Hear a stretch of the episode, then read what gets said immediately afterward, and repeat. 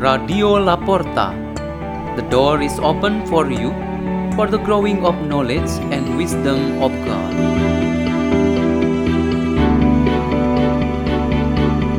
Delivered by May Ann Rodrigo and Hermanus Malo Dona from St. Peter's School in Jakarta, Indonesia.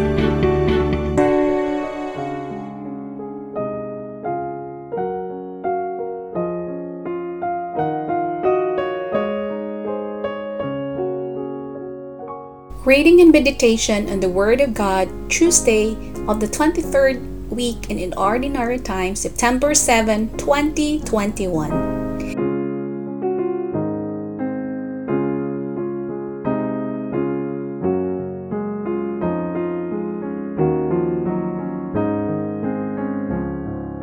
The reading is taken from the Holy Gospel according to Luke chapter 6, verses 12 through 19. Jesus departed to the mountain to pray, and he spent the night in prayer to God. When day came, he called his disciples to himself, and from them he chose twelve, whom he also named apostles. Simon, whom he named Peter, and his brother Andrew, James, John, Philip, Bartholomew, Matthew, Thomas, James the son of Alphaeus, Simon who was called a zealot, and Judas the son of James, and Judas Iscariot who became a traitor. And he came down with them and stood on a stretch of level ground. A great crowd of his disciples and a large number of people from all Judea and Jerusalem and the coastal region of Tyre and Sidon came to hear him and to be healed of their diseases. And even those who were tormented by unclean spirits were cured.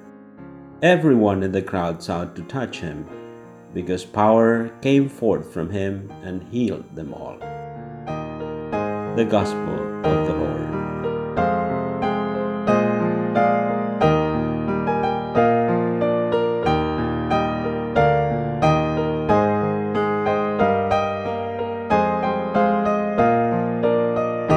Our meditation today has the theme They Are Twelve. The next day, when it was noon, he called his disciples and chose from among them twelve, whom he called apostles. This description is taken from the gospel text. Jesus chose the twelve who had passed the selection criteria during about three years of living together. It should be different from the selection of public offices, which require professionalism and specialization, for the selection of the 12 apostles was based absolutely on Jesus' own standard. This is only one criterion, namely, the choice of the very simple people. They were so simple as indicated in their being and situation in life, such as fishermen, sinners, tax collectors, manual workers, outcasts in the community. They were not educated and socially influential people. Jesus chose and made them his closest collaborators in his mission, not because of who they were, but for what and who they would become according to his will and power. This is really very subjective criterion but at the same time, it fulfilled all aspects of propriety and truth. None of us can object or protest this kind of election. The interpretation of the number 12 gives us an important meaning. This is a representation of the 12 tribes of Israel. The people of Israel were the first choice to whom Jesus was sent into the world. In a real sense, all of us followers of Christ are the elect. Therefore, the 12 apostles also refers to all of us members of the church already consecrated in the baptism of the Holy Spirit in the name of Jesus Christ. We also participate in the life and work of Jesus, then are chosen and given the responsibility to form the one community of believers, namely the church. So we are chosen to live as brothers and sisters in Christ. As the people belong to Christ, says St. Paul in the first reading, we must remain united with Him. Our lives rooted in Him and build on Him. We should protect our unity in this holy church from other empty and false teaching that come from the spirits of this world. We are called personally and we are also strengthened by the call for unity with the apostles to build the fellowship of the church, so we must fight against this current of falsehood.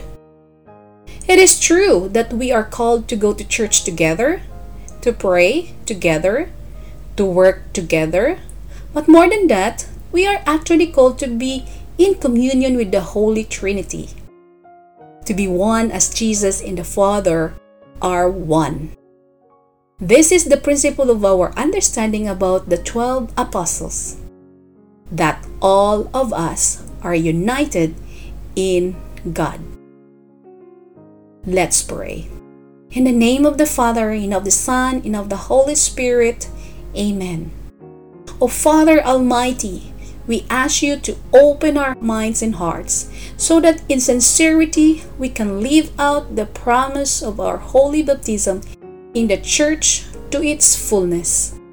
Glory be to the Father, and to the Son, and to the Holy Spirit, as it was in the beginning, is now, and ever, shall be world without end. Amen. In the name of the Father, and of the Son, and of the Holy Spirit. Amen. Radio La Porta. The door is open for you.